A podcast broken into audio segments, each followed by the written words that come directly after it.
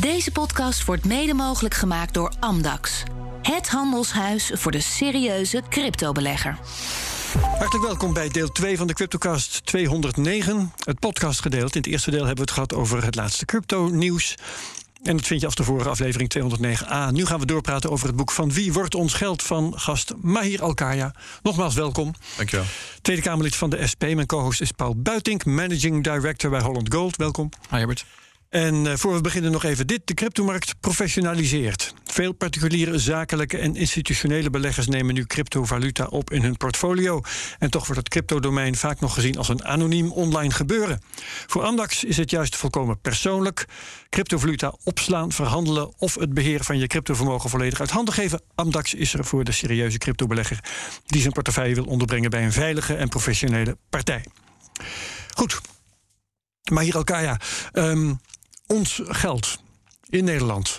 Um, ik heb je in de radio-uitzending al gevraagd van wie is dat? Hè? En dan zeg je deels van de commerciële banken, deels uh, van, uh, in de vorm van uh, contanten. En dan is het ja, van de overheid of van degene die het in handen heeft, kun je van alles van, van, van vinden nog. Wie heeft de macht over ons geld? Wie bepaalt wat er met, hoe, hoe het geld eruit ziet en wat ermee gebeurt? Ja, omdat dus het overgrote deel van het geld dat wij met z'n allen gebruiken uh, digitaal giraal geld is, hè, van, van de commerciële banken, hebben die een enorme invloed ook op dat geld.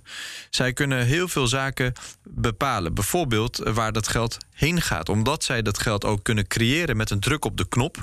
Um, zij hoeven niet te wachten totdat iemand uh, met een zak geld aankomt lopen voordat zij een krediet kunnen verlenen. Nee, dat kunnen zij gelijk bij voorbaat al, uh, al doen. Um, dan kunnen ze ook dus bepalen waar dat geld in de, in de samenleving heen gaat. En je ziet dat dat dus ook enorm invloed uh, heeft. Zij bepalen bijvoorbeeld dat het overgrote deel van de investeringen in de energiesector, dat dat nog steeds gaat naar de fossiele industrie en niet naar de duurzame energie. Gewoon door de keuzes die ze maken van jij bent een lening waard en jij niet. Exact, ja, precies. En ook als je kijkt naar bijvoorbeeld de controles tegen misbruik en dergelijke, dan op al die gebieden uh, stuit je op één waarheid. En dat is dat commerciële banken onmisbaar zijn geworden, omdat zij heel veel invloed hebben op, op ons geld, op ons aller geld. Ja, en uh, jij zegt dus in één moeite door, uh, die invloed gebruiken ze verkeerd, want de keuzes die ze maken, die zijn niet goed. Ja, je ziet de afgelopen jaren simpelweg wat het effect daarvan is. Uh, zij zijn onmisbaar, dus zij zijn uh, ook geneigd om heel veel risico te nemen. Zij weten dat zij onmisbaar zijn. Dus die banken, bankiers weten op het moment dat ik failliet dreig te gaan, dan zal de overheid moeten bijspringen. Dus dat zorgt voor instabiliteit, want ze hebben een, een prikkel om extra veel risico te nemen. En je ziet ook inderdaad dat nog steeds veel geld naar de fossiele industrie gaat. Dat, dat worden. Die, die keuzes die worden over het algemeen, zou ik zeggen, verkocht als juist weinig risico nemen. Want als een kleine ondernemer uh, die een of ander plannetje heeft, uh, geen krediet krijgt, dan is dat om reden van het feit dat de bank niet vertrouwt dat het geld ooit terugkomt. Ja, bij kleine ondernemers speelt wat anders. Dat is dat ze simpelweg niet uh, um, genoeg marge daarin zien. De, de bedragen zijn niet groot genoeg dat zij, dat zij de moeite willen nemen, de bankiers willen de moeite willen nemen om er echt serieus naar te kijken. Ze kunnen zich veel beter richten vanuit hun perspectief. Hè. Als je zoveel mogelijk winst wil maken, kun je veel beter richten op, op grotere projecten. Dus je ziet dat het systeem aan alle kanten faalt.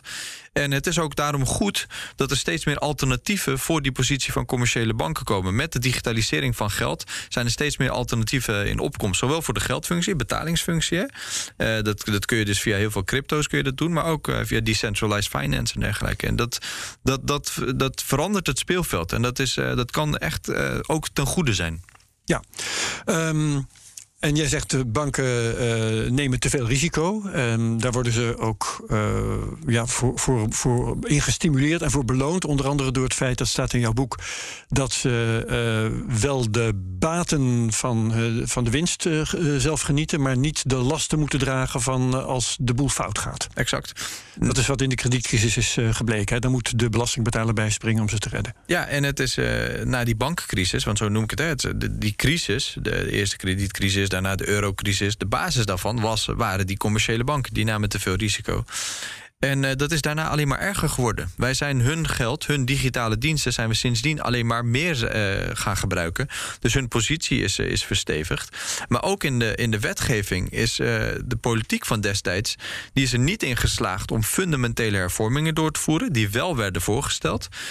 wat er wel is gebeurd, is dat er allemaal zaken, wetten en regels zijn doorgevoerd in, de, in de trant van micromanagement, waardoor het alleen maar lastiger is geworden. Zoals geen bonussen of zoiets. Ja, geen, geen bonus en, en de buffers moeten ze precies zoveel zijn. En dan ook nog eens wat voor soort buffers. Wat zijn dan de fundamentele hervormingen die, waar eigenlijk iedereen voor was, maar die er niet zijn gekomen? Na de bankcrisis was eigenlijk van links tot rechts, alle politieke partijen waren erover eens dat de Ehm, de vitale infrastructuur, dus de, dat digitale betalingsverkeer, dat in handen is gevallen van commerciële banken met de tijd, dat we dat moeten loskoppelen van al die andere riskante zaken die uh, banken ook uh, doen. Dat je er eigenlijk een nutsvoorziening van maakt. Ja, dus dat kan op, op meerdere manieren. Hè. De eerste voorstel was van zorg ervoor dat dat binnen die banken gescheiden wordt. Dat uh, dus het betalingsverkeer, dat dat echt een andere organisatie wordt binnen die bank, die helemaal los staat met Chinese walls van al het andere. Uh, van, van het deel van, bank, uh, van de banken waarin gespeculeerd wordt. Zodat als die speculanten er een potje van maken, zodat het betalingsverkeer dan in ieder geval veilig blijft, blijkt. Dat is één manier geweest. Nou, dat is mislukt. In mijn boek beschrijf ik ook hoe dat is mislukt. Dat is niet omdat er een, een politieke meerderheid tegen was. Dat is echt in de bureaucratie, omdat politici er niet genoeg aandacht voor hadden, omdat de verkiezingen overeen uh, kwamen. Het werd en naar Brussel geduwd. Dat, het werd naar Brussel geduwd, het belandde ja, in de bureaucratie. Je ook nog, ja.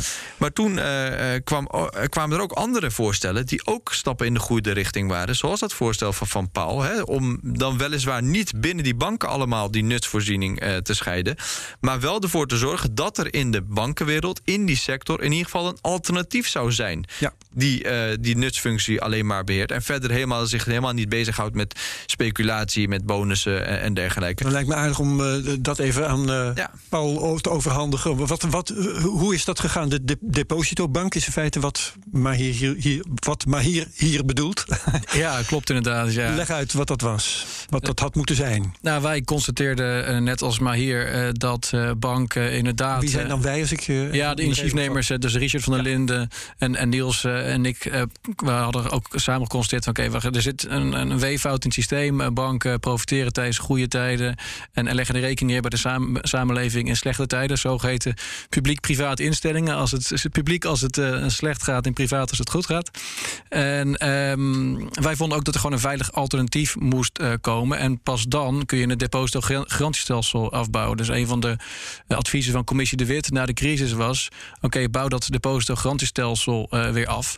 Um, maar wij dachten, nou, zet dan, dan eerst een veilig alternatief neer. Een bank dat gewoon één op één toevertrouwde middelen... bij de centrale bank parkeert. En ga dan beginnen met het echt hervormen van het, van het bankenlandschap. Waaronder dus het afbouwen, grotendeels afbouwen van het depositogarantiestelsel. Maar goed, dat ons initiatief na een paar jaar geprobeerd hebben, hebben we moeten, moeten staken. Omdat er gewoon geen vergunningsoptie was voor een veilige bank in de wet. Namelijk wilde dat het dus één op één werd gestald bij de centrale bank. We wilden toegang tot Target 2, dat het ook echt een betaalfunctie zou kunnen hebben.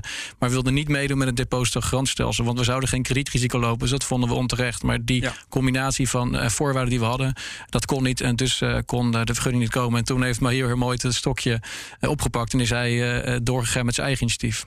Ja, dan mag jij weer.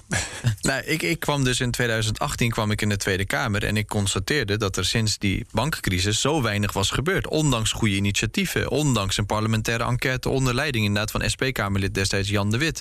Ondanks brede politieke steun, eh, ondanks al die inzet van, van, uh, van Paul, was er niks gebeurd. Dus ik dacht van wat, wat kan ik dan nu voorstellen om toch ervoor te zorgen dat er een hervorming plaatsvindt. En dat was um, eigenlijk wat Paul Buitink hier voorstelde, alleen dan opgericht door de overheid.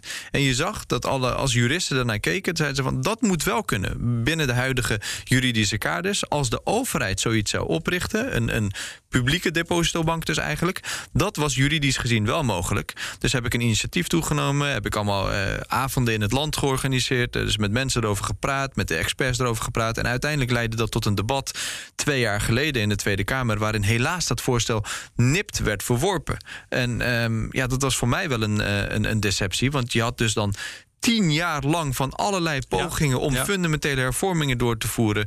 Uh, dat, dat strandde dan weer met mijn initiatief, uh, initiatief op basis van eigenlijk geen argumenten. We hebben niet een politiek debat met de minister van Financiën erover kunnen voeren. Nee, hij was gewoon niet goed geïnformeerd. Uh, hij zag dat debat even als een moedje, deed hij even tussendoor. En de coalitiepartijen stemden uiteindelijk tegen zonder goede argumenten aan te dragen. Dat was natuurlijk heel erg zonde. En het heeft bij mij ook wel ja, wat. wat het heeft bij mij ook wel wat kwartjes doen vallen van hoe het precies dan, dan werkt. Ehm, nou, ligt dus een tipje van de sluier op dan? Wat, heb je, wat is een, een inzicht dat je op die manier verkregen hebt? Nou, dit is dus een langjarig proces. Als je een politieke meerderheid hebt behaald, wat destijds het geval was, dan moet je het ook nog eens langjarig monitoren. Dat, je, dat het ook daadwerkelijk gebeurt, zo'n fundamentele hervorming. En politici, inclusief mijzelf, die zijn zo overvraagd, die hebben zoveel prikkels, dat die al snel afgeleid zijn. Dus die, die hebben een motie aangenomen gekregen. En die denken van oké, dan moet de regering dat uitvoeren. Dan moet dat nu ook gaan gebeuren. want je kunt de muren behangen met moties die nooit uitgevoerd zijn, ook al zijn ze aangenomen. Exact. En als dan die politici al in al die jaren allemaal afgeleid door andere zaken uh, uh, het niet precies in de gaten houden. Eens in de zoveel tijd een Kamerbrief uh, krijgen van ja, we zijn ermee bezig, we zijn ermee bezig. En volgens vinden de verkiezingen plaats, komen er andere politici. Dat die kennis verdwijnt helemaal.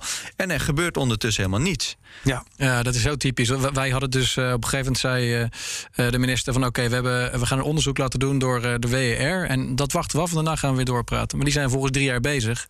Uh, dus ze proberen je zo, zo lang mogelijk, zeggen marathons, proberen door, door, door tijd en te kopen, proberen ze inderdaad, wat maar je zegt, het, dat de mensen het op een gegeven moment vergeten. En het wordt ook gewoon vergeten op een gegeven moment. Er gebeuren zoveel andere dingen, zeker in deze snelle wereld. En dat is dan een manier om, om uit een, of van een motie vandaan te komen. Ja, maar hier is de macht van commerciële banken nou nog met andere middelen te beteugelen. Is, want die depositobank komt er dus niet, in welke vorm dan ook. Um, is er nog een ander plan?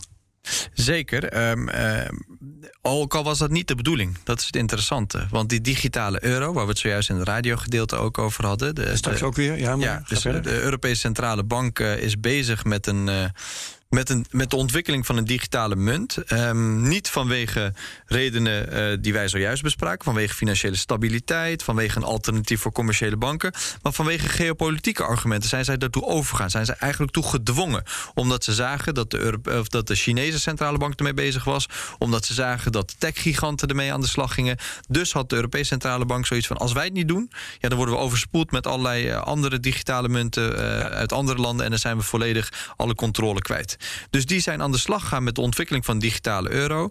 En dat zou op als je het goed vormgeeft, zou dat ook een waardevolle toevoeging kunnen zijn aan onze samenleving, zoals wij het zojuist bespraken. Het kan ook volledig de verkeerde kant op gaan. Daar ben ik bang voor. Dat die, hangt af van keuzes die gemaakt worden in het proces. Exact. Die ja. ontwerpkeuzes zijn dus nogal belangrijk. En daarom vond ik het ook zo belangrijk om dat toe te lichten in mijn boek. Van het is nogal relevant wat er nu achter gesloten deuren in Frankfurt bij de Europese Centrale ja, Bank wordt besproken. Waar jij niet over geïnformeerd wordt. Exact. En het is, het is het is in principe, het kan ook de goede kant op gaan. Dus ik ben ook hoopvol. Want Als rapporteur trouwens, hè, want dat uh, zei je daarnet geloof ik in de podcast. Uh, sorry, in de radio-uitzending en niet in deze podcast. Maar als rapporteur word jij niet geïnformeerd over dit soort processen. Ja, dus op een gegeven moment heeft, ja. uh, hebben alle partijen in de Tweede Kamer besloten van...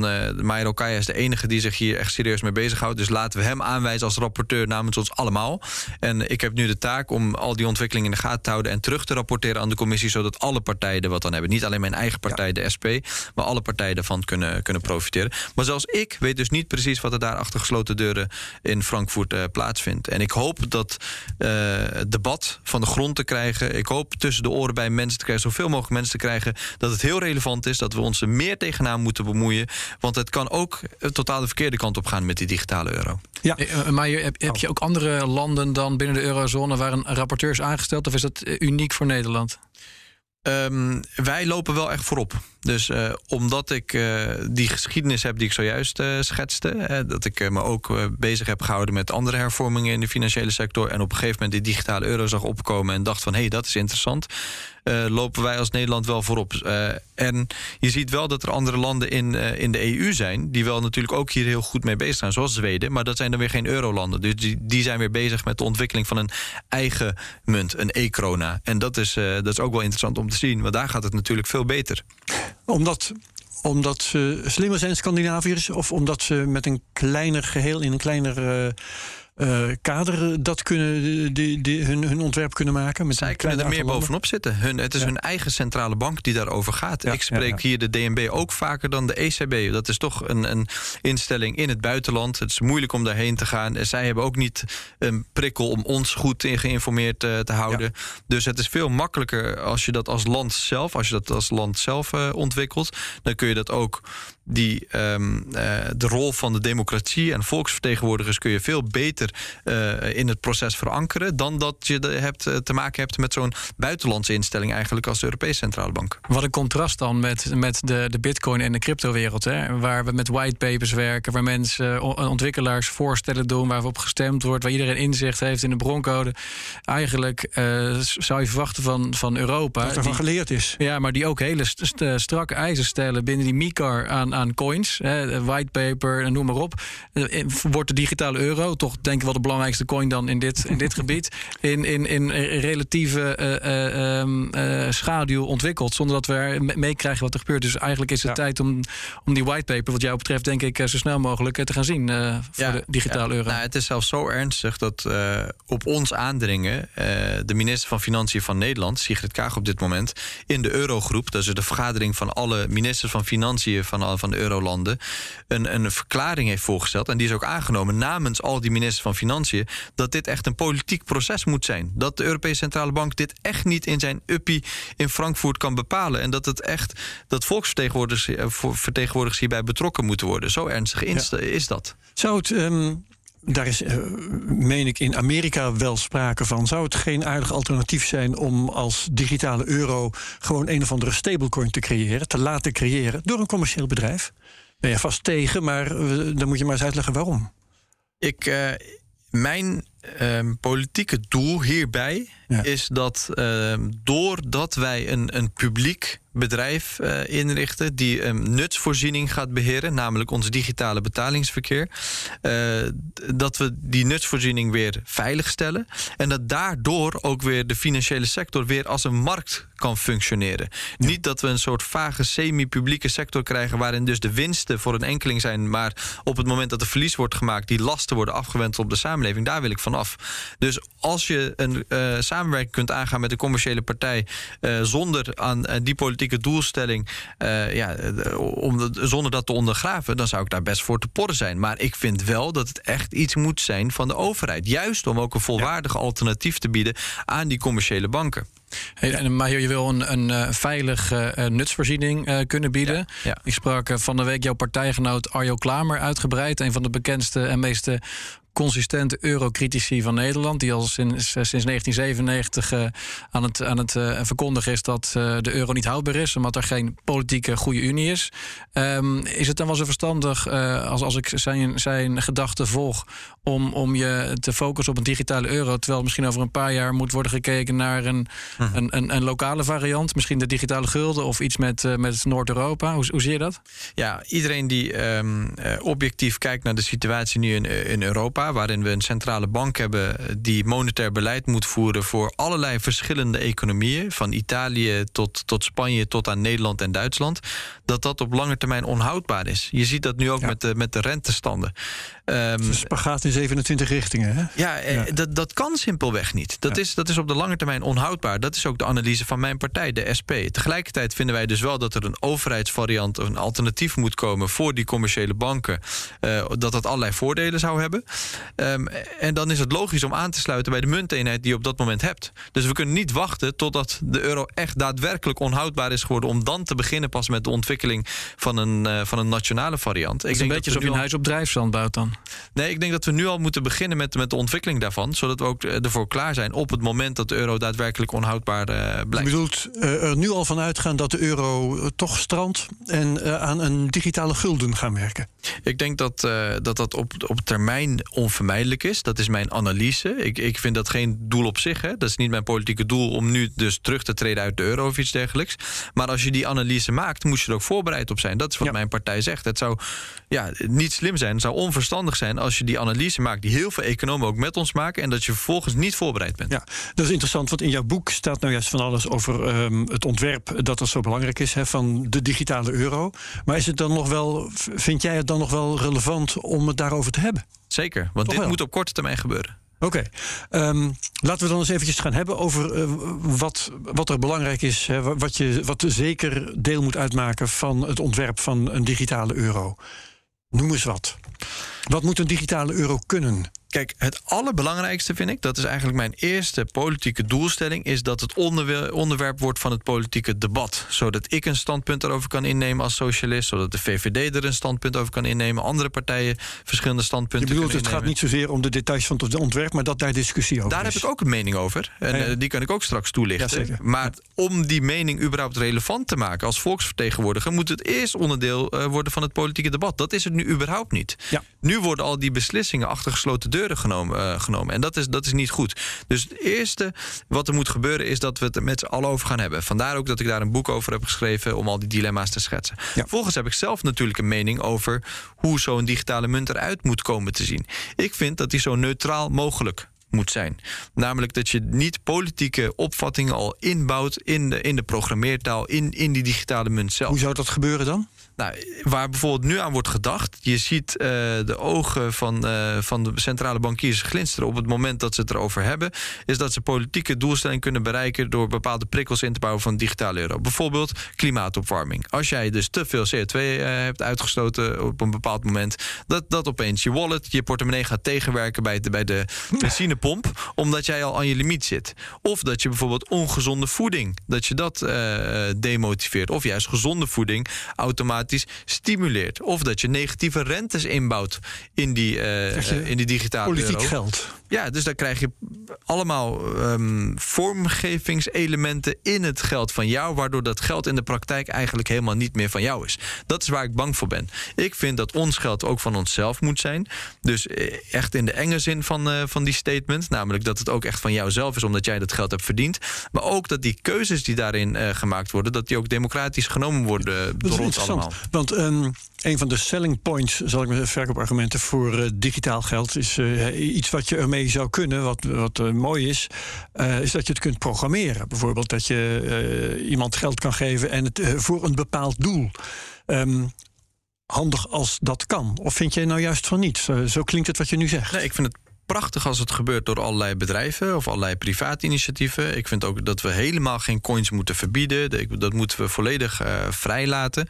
Maar de variant die wij met z'n allen moeten gaan gebruiken. Dat, dat iets wordt van de hele samenleving. Daar moeten zo min mogelijk uh, politieke opvattingen in voorgeprogrammeerd staan. Omdat je anders het risico loopt dat delen van de samenleving die coin, die digitale euro, die van ons allemaal moet zijn, idealiter, dat ze dat helemaal niet gaan gebruiken. Nou, bedoel je daarmee te zeggen dat de digitale euro niet programmeerbaar moet zijn? Exact. Exact, het liefst. Dat, dat is mijn opvatting. Want stel je voor een ander, een ander punt, die negatieve rentes. Je kunt vanuit de macro-economie beredeneren dat als jij boven een bepaald bedrag negatieve rentes invoert, dat dat goed is voor de economie. Ja. Aan de andere kant is het natuurlijk ook afbraak aan dus het gegeven dat jouw geld ook daadwerkelijk van jou is. Ja. We zijn daarop tegen nu omdat commerciële banken het doen of dreigen te doen. Daar heb ik me tegen uitgesproken. Daar heb ik me tegen verzet dat uh, commerciële banken negatieve rentes in rekening gaan brengen.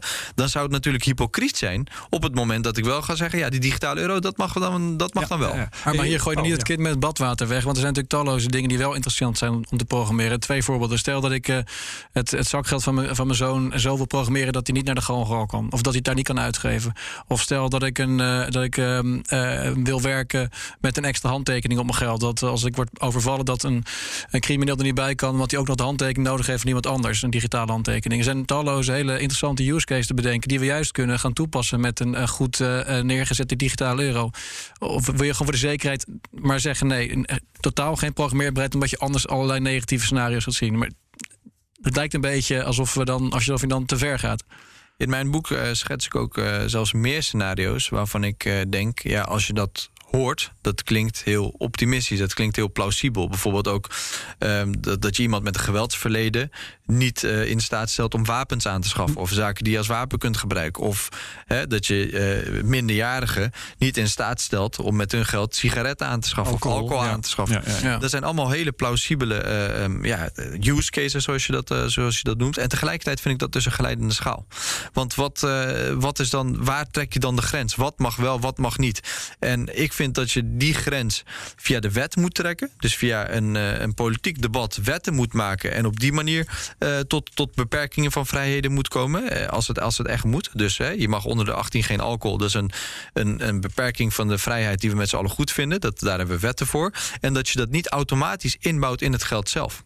Dat, dat is de afweging uh, die, die ik maak. Want als je dat dus wel doet, dan is dat een geleidende schaal. Waardoor je dus straks met een, ja, een SP-coin betaalt. Of een, een FVD-coin betaalt. Een VVD-coin. Of dat, dat bepaalde verenigingen eigen coins allemaal gaan oprichten. En dan krijg je dus een, een chaotische situatie. Uh, die we uh, voor, de, voor de Gouden Eeuw hadden. De, die, die situatie hebben we volgens mij opgelost door één centrale eenheid te introduceren. Die zoveel mogelijk mensen gebruiken. Wat ook een, iets is van nationale trots. Hè, wat, wat, waar we trots op kunnen zijn. Wat iets is van ons allemaal. En waar dus geen of zo min mogelijk politieke opvattingen in zitten. Helder. Hm. Ja. Oh ja, ik dacht dat je nog een vraag wilde stellen. Dat, maar dat, dat misschien nog één ding ja. Dat is dus dat betekent niet dat er uh, een verbod moet komen op andere coins waarbij dat wel mogelijk is. Hè? Want die, die mogelijkheden die ontstaan, en dat, dat is ook hartstikke goed. En uh, dat er bedrijven gaan opkomen of andere verenigingen of, of uh, andere soortige organisaties die wel andere soortige coins gaan ontwikkelen, dat is alleen maar hartstikke goed. Die moeten ook echt niet verboden worden. Ik ben dus ook tegen het verbieden van, van een bitcoin of andere coins. Ik vind dat je dat moet, moet openlaten, moet vrij moet laten. En tegelijkertijd dus zo'n basisvariant, een saaie basisvariant moet hebben. Ja, dus als je een, eh, een, eh, munt wil hebben die, uh, nou noem eens wat. Um, energievriendelijk, uh, klimaatvriendelijke activiteiten stimuleert, dan moet je dat maar doen. Maar dat is niet de taak van uh, de centrale bank. Prima. Ga je gang, ja. ontwikkel dat, gebruik dat, breng het in omloop. en tegelijkertijd hebben we dus zo'n basisvariant, een saaie basisvariant, niet programmeerbaar. Eigenlijk een opwaardering naar het digitale tijdperk van contant geld. Ook anonimiteit tot, tot echt hoge bedragen. dat dat gegarandeerd is, die iedereen kan gebruiken. Wat maakt in jouw ogen zo'n digitale euro dan wel een typisch digitale munt? Want als het niet programmeerbaar is, wat is dan nog het voordeel van digitaal zijn? Kijk, eh, de belangrijkste voordelen die gebruiken mensen nu al eh, via de commerciële banken. Mhm. Dus voor de commerciële banken, eh, waarom gebruiken mensen. Dat je het snel kunt overmaken. Ja, je hebt altijd al je spaargeld bij je in een app. op een veilige manier kun je dat overmaken. En heb je de digitale euro toch helemaal niet nodig? vanuit de consumentenperspectief zou je dat kunnen beredeneren dat wij in Nederland, in het, in het Rijke Westen, eigenlijk al zo verwend zijn door die diensten van die commerciële banken, dat we dat uh, niet nodig zouden hebben voor het consumentengemak. Tegelijkertijd zijn we dus wel volledig afhankelijk in macro-economische zin van die commerciële banken. Ja. En daarom is zo'n alternatief is uiteindelijk ook goed voor de samenleving. In, in de praktijk hoef je daar uh, als, uh, als, als consument misschien niet zoveel van te merken.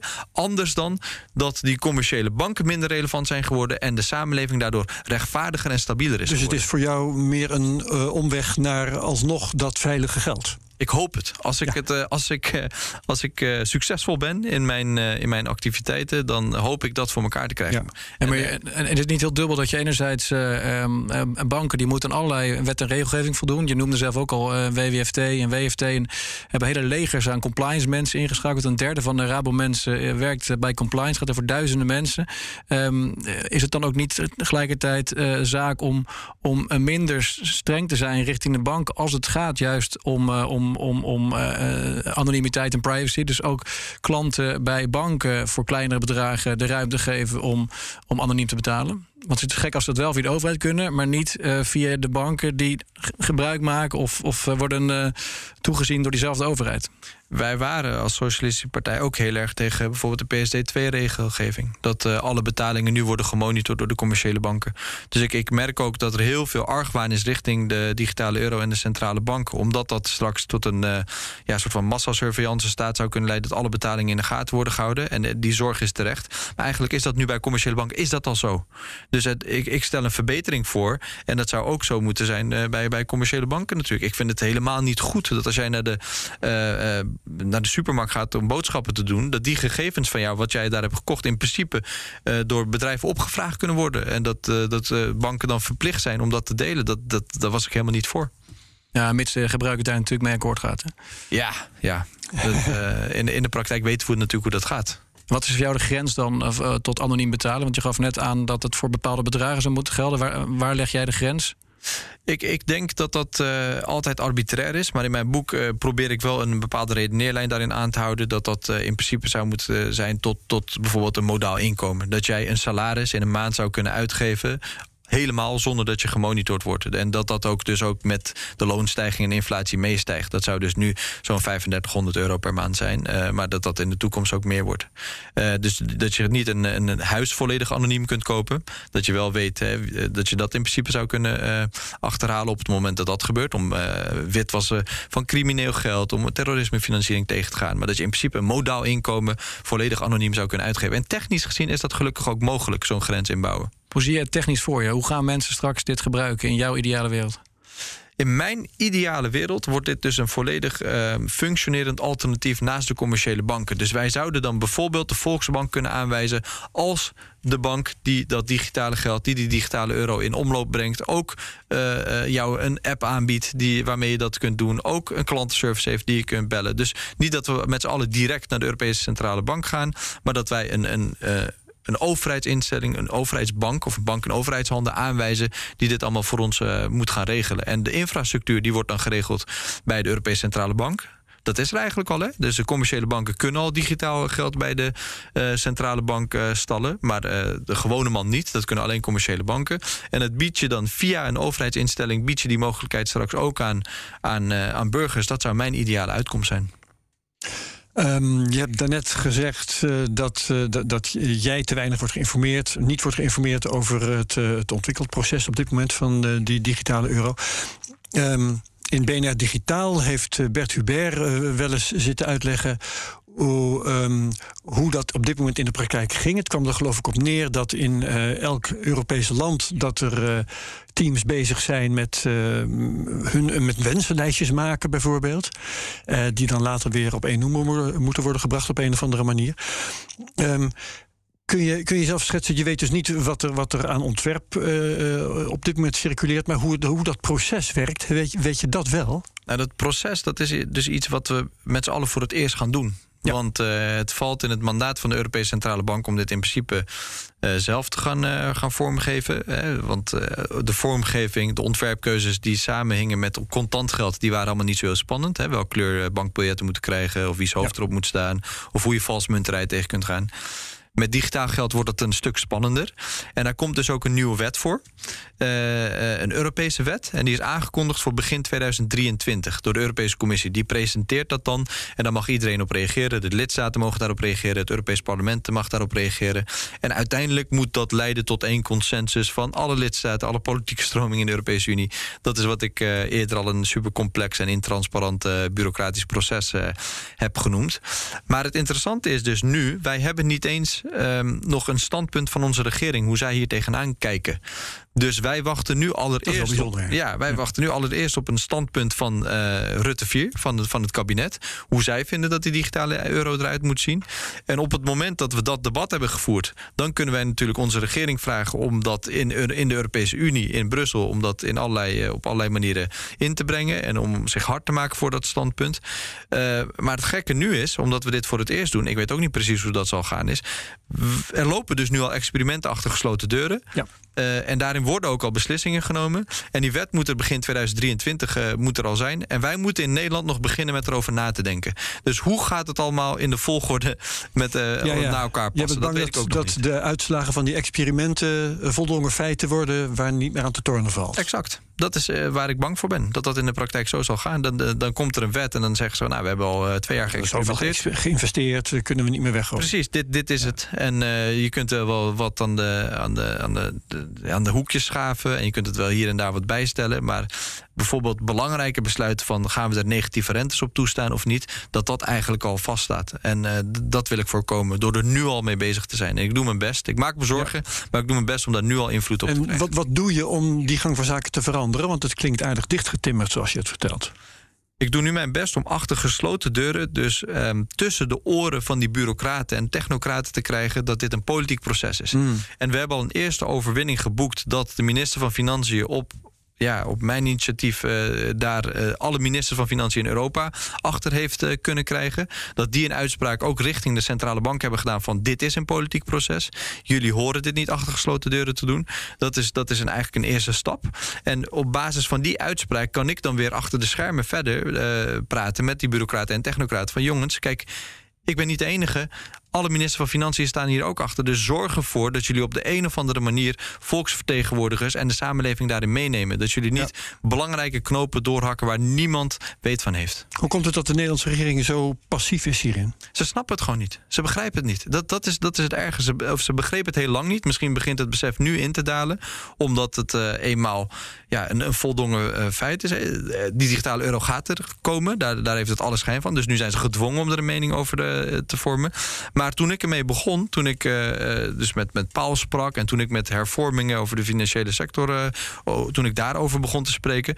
toen begreep men het verschil niet eens tussen wat die digitale euro is... en wat zo'n publieke bank zou kunnen zijn... waar de nuanceverschillen zitten, wat de ontwerpkeuze zijn... wat de relevante beslissingen in de komende tijd zijn. Dus ik heb heel wat zendingswerk ook moeten doen... wat ik ook in het boek beschrijf. En ja, dat, is, dat, dat lukt altijd maar deels. En ik hoop dat het net genoeg is om het de goede kant op te laten gaan.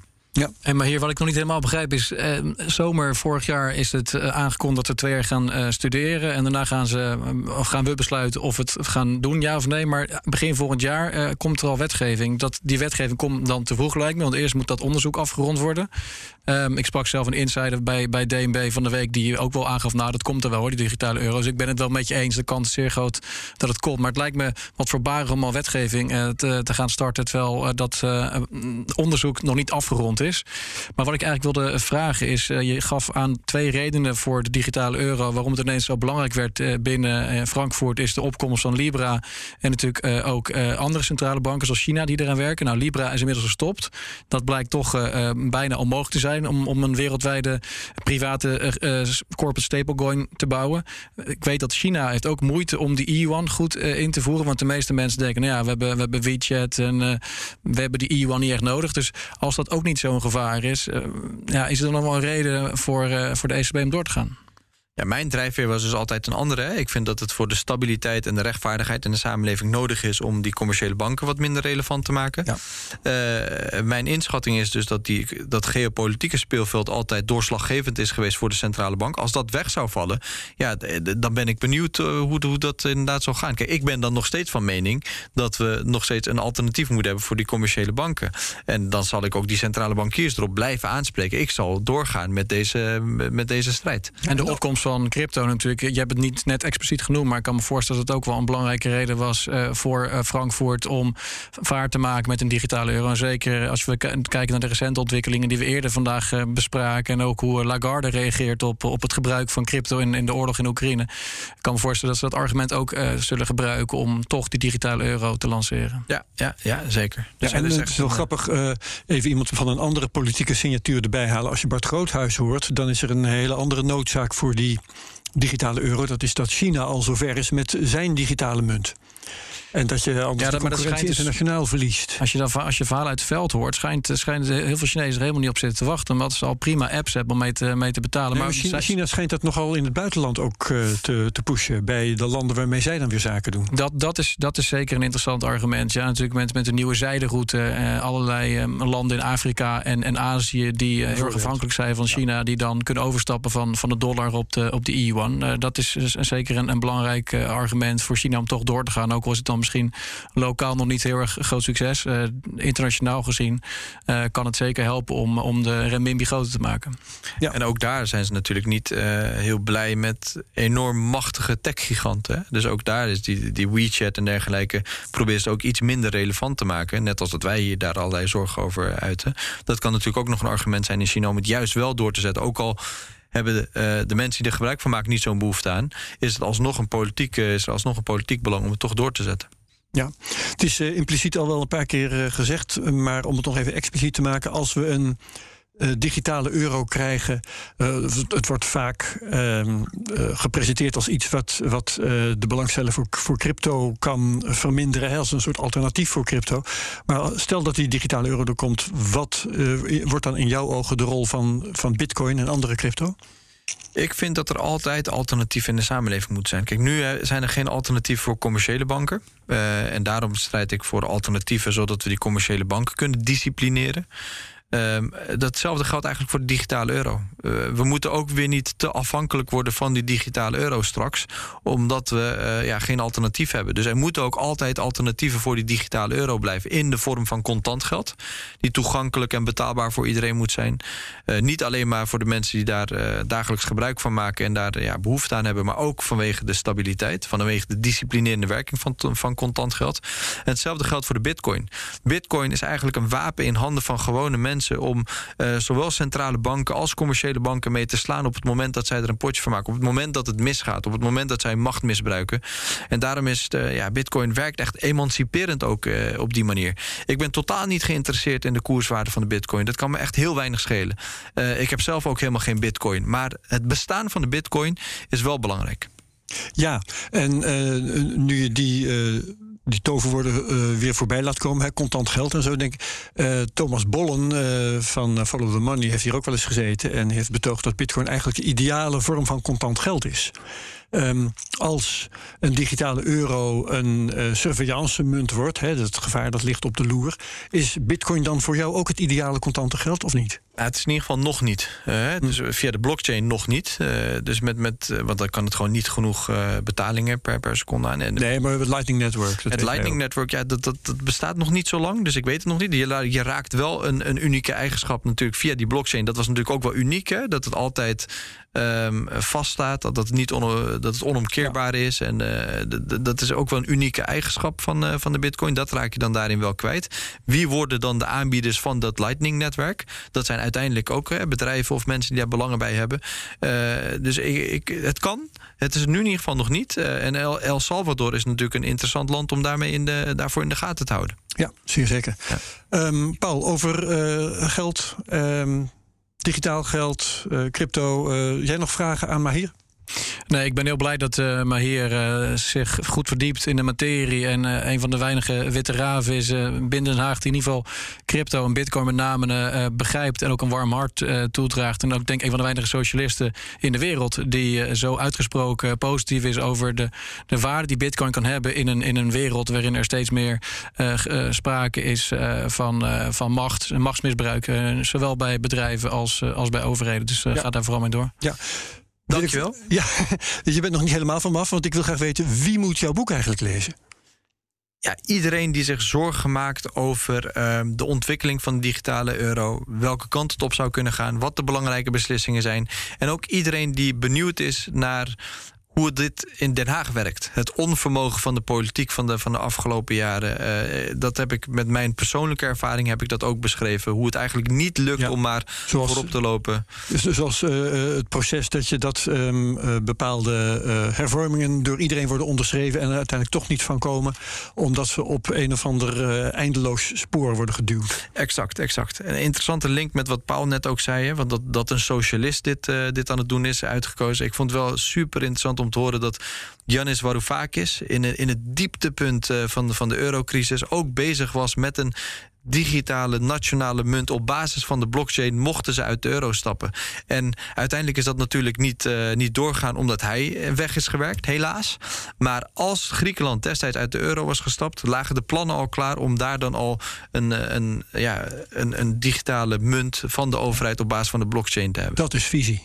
Dat is visie. Dat is echt uh, vooruitdenken. Dat is ook een alternatief hebben, je hand versterken. Dat, dat werkt emanciperend. Als je volledig afhankelijk bent van een bepaalde partij, of dat nou een centrale bank is of een commerciële bank, ja, dan uh, werkt dat corrumperend voor die partij. Dat is niet goed voor ons allemaal. Ja, hoe kunnen mensen aan jouw boek komen?